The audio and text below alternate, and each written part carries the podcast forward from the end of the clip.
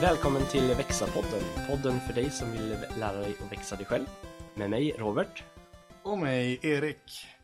Idag har vi ännu en gäst. Thomas Nilefalk, välkommen till Växa-podden. Hur ser en eh, kort beskrivning av Thomas ut? Vad gör du? Vem är du? Eh, oj, jag har ju hållit på med systemutveckling ganska många decennier eh, som alla möjliga olika roller. Eh, sen 1999 så driver jag ett företag som heter Responsive och jobbar mycket som det här som man brukar kalla för agil coach. Eh, idag kanske jag ägnar mig mest åt mina medarbetare men eh, fortfarande väldigt intresserad av teknik och systemutveckling och programmering och coachning och mentorering Och allt annat. och allt annat. Lite bekant. Ja, men vi hoppar väl rakt in i första frågan som är hur gör du för att växa dig själv? Mm. Eh, jag är nog ganska ostrukturerad. Inspirerad av saker och ting. Och när jag upptäcker någonting som, som fångar min blick så att säga, eh, då kan jag nästan inte låta bli att kasta mig över det. Mm. Eh, men det finns några saker som har, har hjälpt mig lite grann genom åren. Eh, en bok som, som jag har med mig faktiskt här, det är Josh Kaufmans De 20 första timmarna. En bok som handlar om tre olika experiment som han gjorde med att lära sig nya saker.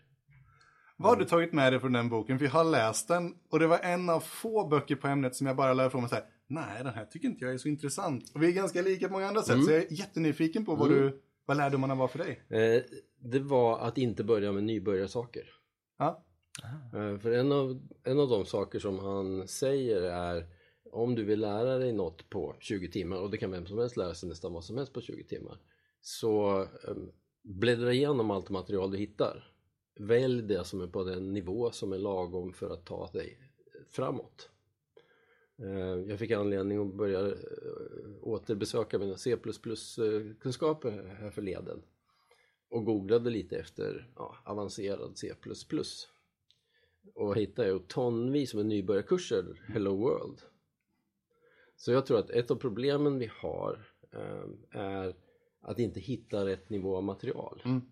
Vi kan inte kliva in där, där det är lätt att lära sig nästa steg så att säga utan antingen så blir det malning med massa detaljer som man nästan redan kan och som man egentligen inte behöver lära sig eller så är det som ett Mount Everest som man ska ta sig upp för. Ja, det, det kan jag väl hålla med om. Framförallt då programmering som exempel att den här Hello World kan vara lite Ja men den ser ju väldigt lik ut på väldigt många språk men det är ju de andra finesserna som, som skiljer och, och så här, ja men jag vill inte skriva Hello World i mitt trettonde programmeringsspråk. Jag vill lära mig vad skiljer det här mot det jag redan kan.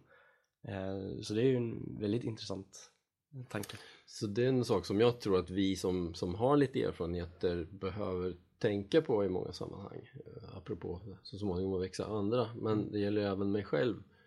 Var börjar jag min resa i det här? Mm. Och hur hittar du den typen av källor? För det är ju en intressant... Det är ganska svårt ehm, jag ramlade ju ner i det här kaninhålet om, om tangentbord och så för ett par år sedan ehm, och en viktig källa där är ju eh, typ Reddit, eh, andra kanaler så. Ehm, men också mycket av de repon som finns på till exempel GitHub där andra personer som har kommit en bit har gjort många olika nivåer av ja, svåra konstruktioner. Mm. Eh, Allt liksom, de som är väldigt enkla. Något jag själv har tänkt på just nu på det ämnet att, att hitta rätt nivå på material är att jag märker att mitt lärande springer igång ganska mycket när jag har en frågeställning att attackera. För då kan man, då kan man som du säger anfalla ganska avancerat material och hur får jag en pixel på en skärm? Ja, du går ner i många intressanta gånger men de hoppar ju upp ganska många kliv från det här mest basala. Så för mig är det en sån här, vad är frågorna jag borde ställa? Så är angripet. Jag vet inte om du känner igen någonting i det och om du, man kan dra det vidare. Liksom. Jo men absolut så. Ehm, varje varje område som jag har grävt ner mig i har ju startat i ett eget behov egentligen. Någonting som jag vill skapa. Ehm, eh, tangentbord till exempel. Ja, men man känner att det, ja, det är, vad coola idéer det finns där ute. Jag skulle nog vilja bygga ett eget. Mm. Eh, och det driver ju nästa steg och nästa steg och nästa steg. Och precis som du säger, genom att veta vart man är på väg. Det här känner vi igen från en del andra verksamheter som vi är inblandade i. Om vi vet var vi är på väg, då kan vi ta ganska stora kliv och vi, vi blir mer målmedvetna i varje sånt kliv. Vi kan också bedöma mycket lättare om det här leder oss mot målet eller om det bara är fler och fler Hello World-program. Det kanske inte världen behöver. Tror inte det? Nej. Om man tänker sig, du, ja, men, du blir engagerad och det är det som driver liksom att söka information och ta nästa steg och så här. Vad, vad händer när engagemanget dör ut eller liksom är det för att du känner nu är jag klar, jag har nått nivån som jag vill eller, eller nu hittar jag inte mer eller hur, hur brukar det se ut? Ehm, Du pekar på några olika alternativ där, jag tror alla finns. Mm. Men det finns ytterligare ett och det är att man kommer till en, en punkt där här Mount Everest byggde upp sig. Okej, ja. Man liksom kör in i en vägg, man känner att ja men här, nu är jag med, här kan jag och där, nu förstår jag och nu blev det helt mörker. Ja. Eh, Och då tappar man lite engagemanget. Och igen, för att tänka på sånt som vi gör med i vårt dagliga liv så handlar det väldigt mycket om att det är det som är en väsentlig stoppande faktor. Vi måste försöka rulla över den på ett bra sätt. Eh, Och vi kanske då har ansvar att hitta vad är liksom nästa nivå som, som de personer vi pratar med. Och hur går du men, systematiskt tillväga när du märker att du kommer in i en sån på en, eller kommer fram till en sån här vägg? Mm, ehm, det finns ju lite tricks. Jag hade med mig även Weinbergs uh, Weinberg on, on writing, Uh, det som man kallar för sin Fieldstone method. Där man samlar på sig en massa saker. Att skriva, han, han skriver ju om att skriva böcker. Men jag tycker att den idén som man har där passar i väldigt många sammanhang. Eh, nämligen man, man samlar inte information bara för just det här jobbet. Utan genom att samla på sig sånt som man stöter på men klassificerar det på olika sätt så har man material för när man väl tar sig an ett nytt område. Spara det materialet på något vis. Eh, Jag önskar jag kunde. Ehm, jag hade ett litet program på uh, macken för länge sedan som hade ett väldigt fiffigt taggningssystem som hjälpte mig att göra det. Men som många program så slutar de fungera när man uppgraderar OS och sånt där. Jag är ju inte alls så strukturerad så jag gör de anteckningar som man borde. Eh, men det gav mig liksom en extra kick att jag kunde se att genom att tagga det här så kunde jag borra mig ner i informationen. Poängen är lite grann att genom att välja en av de här informationstaggarna så ser man vilka andra finns knutna till det. Och genom att klicka på ytterligare en så får man vilka finns då att välja på. Och då kommer man liksom mer och mer specifikt ner i, mm i den som man kanske letar efter. Det är fascinerande hur många otroligt skickliga människor jag träffat genom åren säger jag är inte så strukturerad som man borde. Jag undrar och- hur man borde vara ja. egentligen. Och sen som beskriver ett otroligt strukturerat sätt att lägga upp information direkt efter. Ja, eller hur? Men vi hade fler saker som eh, ligger på bordet här. Det ser ju inte ni som lyssnar, men eh, vi har ju lyxen av att se fler saker. Hur jobbar du vidare med ditt eget lärande? Ja, ehm, vi kan ju prata om lärande, men för mig är det bara vem jag är.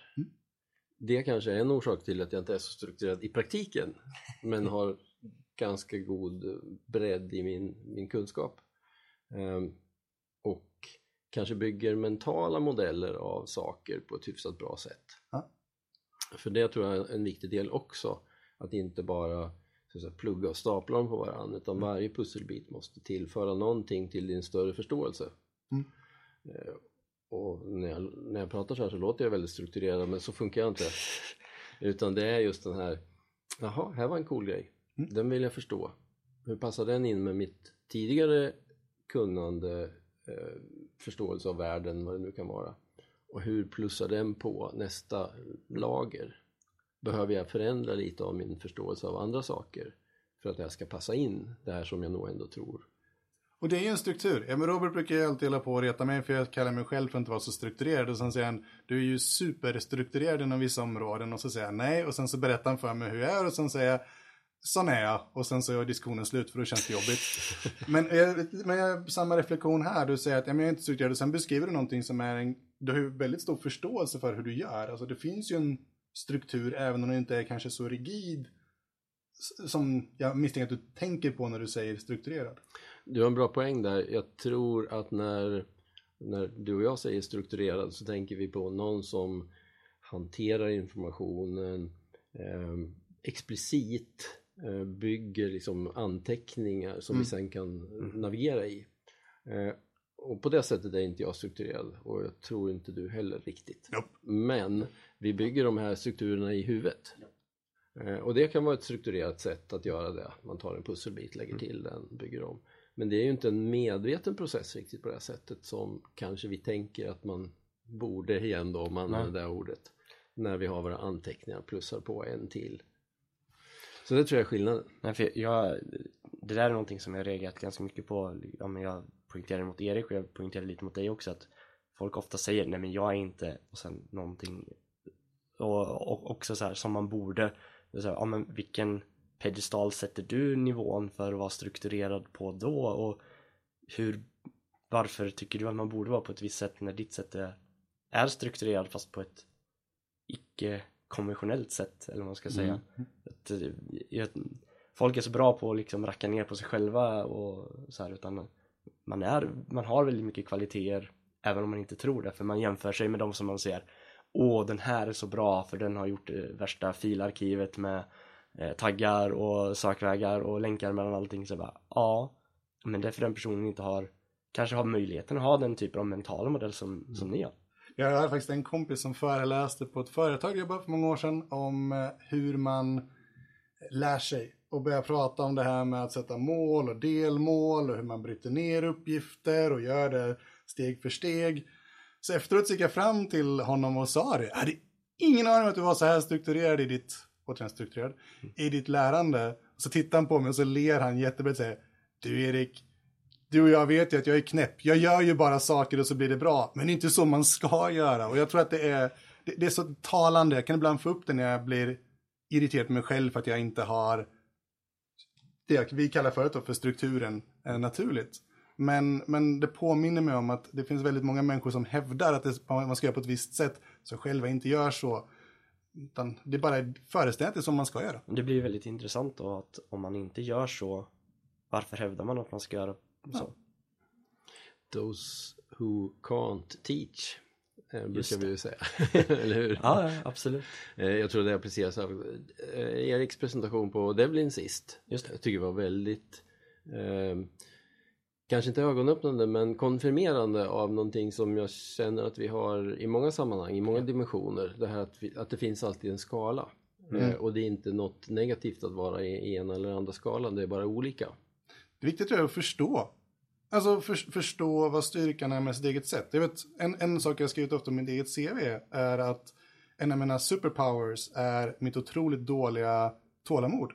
Mm. Och, och det är det ju om man börjar förstå vad dåligt tålamod leder till. För det är ju lite som det du beskrev förut med att hoppa in och göra saker för man orkar inte vänta på att saker bara finns framför en. Så Man börjar springa in, söka information, hitta sätt att komma framåt. För man orkar inte bara vänta på att saker ska lösa sig. Det är ju en jättevärdefull förmåga.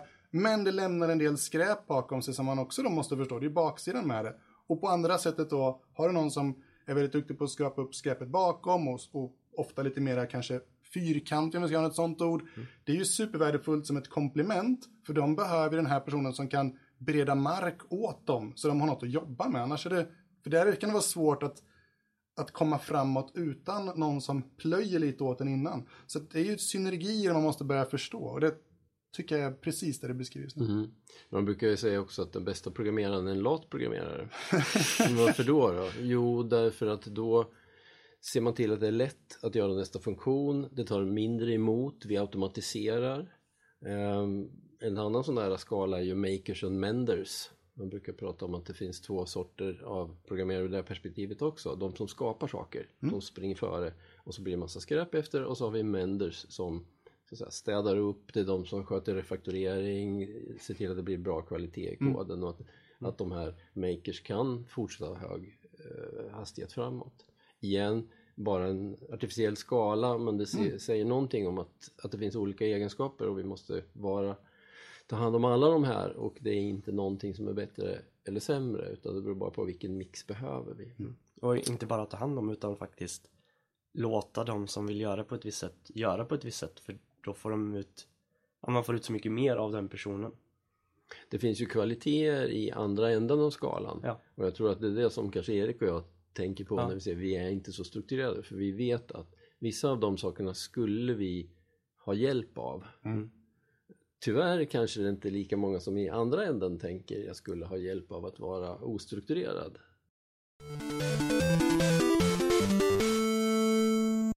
Då tar vi nästa fråga eh, som då är Hur växer du andra? Mm. Eh, först måste man ju själv ha någon slags insikt i ämnet. Eh, vi pratade om förut det här med olika nivåer. Mm. Eh, en av de viktiga sakerna som, som jag tror att jag använder intuitivt är att förstå mottagarens kunskapsnivå. Eh, för det är det enda som spelar roll. Om jag pratar om basala saker för en person som redan kan dem så kommer de inte att ta sig vidare. Eh, Igen, pratar jag för, för högt abstrakt så missar de hela poängen och tar sig inte vidare.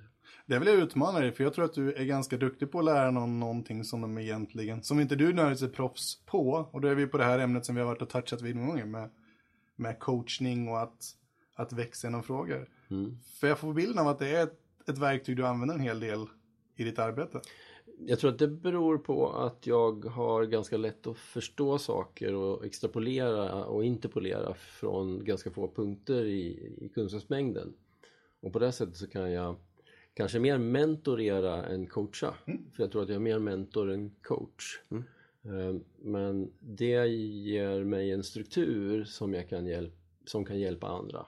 Och genom att resonera kring den här strukturen så kan jag få en person att göra nya insikter som jag kanske själv inte hade. Men jag måste förstå tillräckligt mycket för att ha en idé om, om den här mentala modellen. Vi pratade ju om skalor också att det är ju inte en mentor, coach, är inte, det är ju inte binärt eller trinärt då om, om man ska blanda in konsultdelen av det. Att man kan ju liksom växla lite mellan att i, även om man som anser sig ha en mentorsroll så kan man ju blanda in coachande frågor därför att ja, men få den andra att växa på det viset ändå. Och det, jag tror det är det som Erik är ute efter, att han har sett liksom att hur du har gjort de sakerna också. Det händer ju, absolut. Ja. Men om vi då går tillbaks till, till den här mer mentorsrollen. Hur, eh, hur, om vi går in lite mer då, hur går du tillväga? Nu har du, du har informationen och du har klurat ut vad den andra personen, ungefär vad den andra personen ligger på för nivå. Hur går du tillväga efter det för att, för att få dem att kunna ta till sig av din erfarenhet eller hjälpa dem vidare med sin egen? Det handlar nog mycket om att em, låta eh, mottagaren göra. Ja, Eh, Jag är ju dansinstruktör också. Det kanske inte alla i IT-branschen som vet men några har hört talas om det.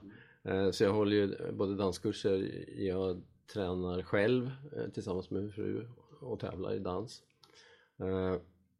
Där är det väldigt tydligt så att genom att, genom att jag har en viss förståelse för att jag själv har tränat så bygger jag och min fru upp modeller som vi kan använda i pedagogiska syften när vi lär ut dans från grundnivå och eh, upp till högre nivå.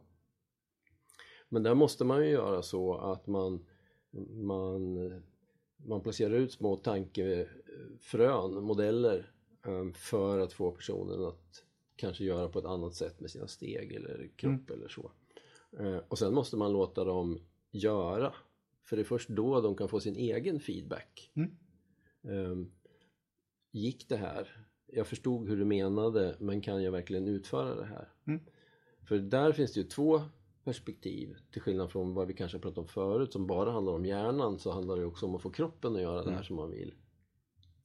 Men det finns ju lite grann samma sak i ja, till exempel när man coachar ett team. Ja, men de kan förstå hur ett morgonmöte ska funka men kan de göra det? Mm.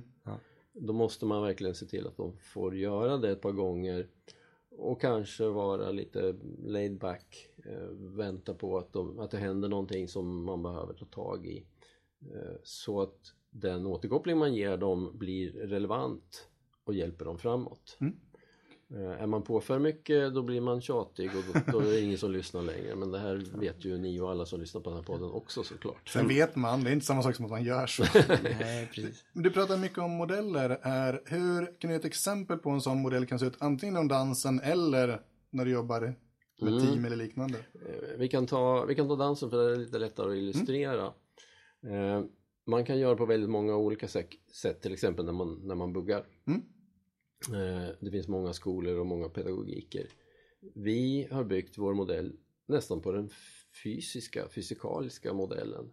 Det vill säga det är krafter som verkar. Eh, den följande parten roterar, då får vi ett vridmoment där. Eh, då behöver den som för bara byta det vridmomentet mot ett vridmoment åt andra hållet. Det är en sån modell som liksom fungerar, alla kan förstå den, alla kan känna den också när man liksom börjar röra sig på det här sättet. Till skillnad från en del andra pedagogiker som börjar från att ja men så här ska man göra. Ja. Så börjar vi med att göra och försöka få dem att känna det här och sen kan vi börja prata om eh, i varje fall små delar av den här modellen. Så du börjar egentligen med det praktiska istället för med det teoretiska. Vi har ett eh, talesätt som heter visa, prova, instruera. Vilket är lite bakvänt mot eh, till exempel många andra som säger visa, instruera, prova. Ja. Eh, men vår idé, eh, som ju inte är vår idé såklart, utan det är visa, låta alla deltagare prova, för då vet vi vad vi behöver instruera på. Precis. Eh, Och det är väldigt stor skillnad mot att man pratar sönder saker, man pratar om saker som kanske inte är relevanta, som inte ens behövs eh, undervisas om. Eh, Och det här använder jag nog ganska ofta i, även i min systemutveckling. Det blir ju det blir ett sätt att se var mottagaren är i nivå också väldigt snabbt. För då behöver, istället för att liksom dra hela Hello World och upp till Mount Everest eh, Mm. biten så kan du säga, ja men de här är på Omberg i alla fall. Så Just kan vi börja där. Precis, skriv ett program. Ja, men lite så. Men, och det matchar lite det du sa förut också, det här med att, som du, som du själv gör, att gå in och, och hoppa på saker som faktiskt är, där det utmanar dig. Och jag tror att, som du skrev att prova först, är att folk får se lite, var är jag och vad, vad behöver jag för att utmanas? Så jag tycker det låter ganska sunt. Det matchar också ganska väl med min dotter åker konståkning. Jag tycker jag ser exakt samma sak när de tränar eller lär ut konståkning. Att eh, visa, låta dem köra och testa och så får det bli lite knasigt och sen så kan man sakta men säkert instruera bort de detaljerna då, som blir fel för varje person. Men det är olika. Jag hade en eh, danstränare en gång som sa jag kan nog, jag kan nog prata ehm, till, jag kan göra en dansare av dig genom att prata. Och det finns ju en poäng där därför att det handlar väldigt mycket om engagemanget, förståelsen, känslan och det kan vi ju förmedla genom, genom prat och interaktion. Men om man ska göra saker och ting då måste man få göra saker och ting. Sen kan du hitta olika sätt, alltså olika människor lär ju på olika sätt, även om de här gamla lärstilarna är väl vid det här laget otroligt debunked, så märker man att det klickar för olika människor med olika typer av instruktioner. Så jag kan tänka mig att det finns, och det är ju en intressant fråga också då, har du någonsin mött någon som, där du var tvungen att ändra den här approachen från att visa, prova, instruera och ändra ordningen på något vis, på grund av bara hur personen la, lär sig eller liknande? Nej, inte just det tror jag. Men däremot så har jag ju efter att försökt instruera insett att det var fel instruktion. Ja, just det. Ja. Det vill säga, det, det, det där tog inte. Nej. Eh, Byt, pivotera. Eh, Byt och attackera någon annan sak. För det där var kanske personen inte, inte mogen för eller hade inte förkunskaperna för eller vad det nu kan vara. Eh, Och det är ju någonting som man bara kan förstå genom att faktiskt se dem göra saker, prata med dem, vara i närkamp så att säga. Mm. Eh, och även prova sin egen instruktion såklart. Så den loopen är väldigt tät. Mm. Eh, Jag vill att du provar det här istället. Nej, det gick inte. Okej. Eh, Då vill jag att du provar det här istället. Nej, det är, det är en utmaning. Fler sätt. Vi har, vi har varit inne en hel nu på mentorering och, och hur du angriper den delen med modellerna. Fler sätt som du använder för att växa människor runt omkring dig. Det är en svår fråga. Ja. För jag tror inte jag är medveten om, om, om den aspekten. Är, Hur du växer dem eller? nej, alltså eh, om, man ska, om man ska säga något om mig så är jag kanske teknisk. Ja. Eh, Det betyder att det här att växa människor som människor, Ja. det är något som jag inte vet om jag gör ens. Jag tror en sak du gör, eller som jag vet att du gör, för det, det kan jag känna igen mig som mottagare av, det är att du är, du är ju ett bra föredöme på många sätt, skulle jag säga. Tack för det. Ja, men, men i, I organisationen du kommer in så man, man märker att du tror på de idéer du pratar om och det känns genuint och det gör väldigt lätt. Jag tror det smittar. Så jag tror det, jag tror det är Mm. ett sätt som du lär ut saker på som du kanske inte tänker på som du säger men som jag tror har en ganska stor effekt. Att, att folk följer med för att du verkar tro på de sakerna du gör och då blir man själv nyfiken och vill testa och man, man lyssnar in för det känns på riktigt liksom. Jag, jag tror inte du ska underskatta den aspekten av men- utlärning. Det är ju en, det är ju en viktig poäng eh, om man att lära ut saker och ting eller förmedla saker och ting som man inte verkligen tror på. Mm. Det är ju bluff. Ja, jag, jag tror de flesta kan se igenom det också på, Mm. förr eller senare. Eh, och då när man blir avslöjad så står man där med byxorna ner. Jag tror inte det gynnar någon. Sen finns det ju en annan aspekt av det. Man får inte vara så övertygad att man inte kan resonera om saker och ting. Nej. Eh, Och det kanske jag också kan känna att jag är rätt okej med. Mm. Eh, Att när det kommer upp diskussioner så, så kan jag plocka upp dem och vi kan, vi kan liksom vrida och vända på dem. Och igen, om det finns en liten sak där som jag skulle kunna plussa på min modell Mm. så är jag ju jätteintresserad av det. Eh, Det kanske är så att allt det här drivs av min egen egoism och en massa saker. Hur, hur gör du då när du hamnar i en situation där du kan väldigt mycket? För du är ju någon som du säger som har lärt dig mycket och hållit på länge. När du kan väldigt mycket, någon utmanar med andra idéer som är, ligger på en, en mycket lägre kunskapsnivå. Hur bemöter du den situationen? Var det sådär rätt eller fel, men hur bemöter du den situationen? För den kan jag tänka mig att du sprungit i ganska ofta. Det är nog ett av de svåraste situationerna. Ehm, oavsett om det rör sig om dans eller teknik eller programmering eller organisation eller vad det är. Mm. När en person är ganska tydlig i sina åsikter och de är förankrade i en världsbild som inte stämmer överens med min. Mm. Då har man ju ett ganska stort jobb framför sig. Mm. Ehm, och jag tror att det handlar mycket om att försöka beskriva komma tillbaka till varför tror jag att världen är som jag tror att den är. Mm. Eh, Men det kan också vara en väldigt lång väg. Mm. Och vad de första stegen är där, det, vet jag nog inte riktigt. Det som kan vara intressant i en, i en sån situation kan ju vara att ja, men vara nyfiken på den andra personen. Vad är det som gör att den personen ser världen på det sättet som den ser? Mm. Alltså var, var skiljer det sig och, och kan, hur kan det komma sig? För det är ju liksom, ja nu ska jag ju inte säga för jag har ju inte alls den typen av lång erfarenhet som du har men jag har ju ändå varit med några år. Eh, att fortsätta vara nyfiken på de som kommer underifrån eller liksom som är nyutexade eller så, för de har ju fått en, en annan skolning än vad jag fick och som har fått en annan skolning än vad du fick. Eh, Så är det ju absolut. Och, och den där eh, öppenheten till andras åsikter är- är ju central för att vi ska ha en bra konversation. Eh, Men ibland möter man ju människor som bara har fel. Ja, så, så kan det vara. Det, jag, jag ser inte emot det där. Eh, Eller snarare är så, är så fast i en uppfattning utan att egentligen veta varför. Ja. Det vill säga man kommer inte igenom resonemangen. Och, och framförallt personer som kanske inte är öppna ens för att utforska vad du har att bidra med eller hur du ser på din världsbild ser ut. Mm. Eh, Och, och det kanske kan vara värt att tillägga. Jag tänker mig ju inte att jag liksom har rätt på något sätt och ska flytta dem till min position. Min, min ingång är alltid om jag kan få dem att flytta sig några millimeter åt något håll. Egentligen i alla de här sammanhangen. Kan jag få en dansare att rö- göra en rörelse något, något bättre så är jag nöjd. Ehm, och kan jag få någon som tror på resursoptimering, att förstå kunskapsarbete lite mer, att det faktiskt finns någonting där, så är jag nöjd för dagen.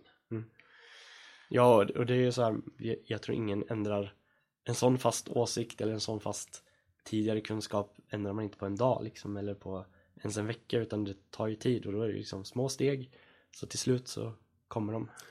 Ja, att få vara den som öppnar dörren lite grann. Ja, precis. Eh, Jag tror att eh, du nämnde någonting när du var i min situation här och pratade om nämligen den här glimten i ögat på människor som gör den lilla insikten. Mm. Ja. Och jag brukar säga att jag är en insiktsjunkie. Jag liksom verkligen går igång på när jag ser att nu, nu trillade polletten ner. Mm.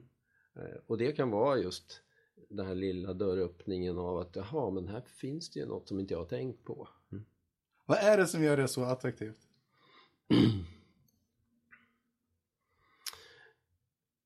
Men det som, det som är unikt för oss människor är väl just kunskap och förståelse av omvärlden och så. Och tillbaks till mig, jag drivs ju av att förstå allt. Ja. Det är liksom någon slags eh, ouppnåelig idé så. Men det är det som driver mig att utforska alla, alla olika typer av frågor och frågeställningar.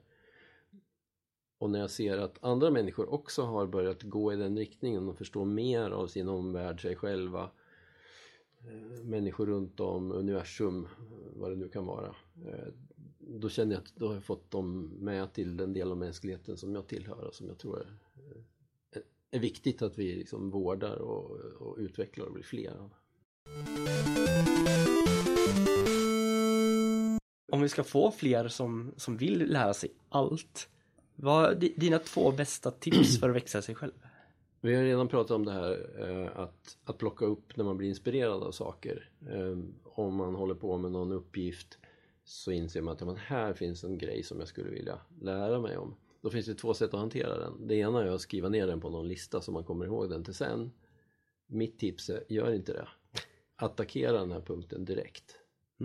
Därför att det som händer då är att man ska skrapa lite på ytan och så får man en lite större plattform att stå på.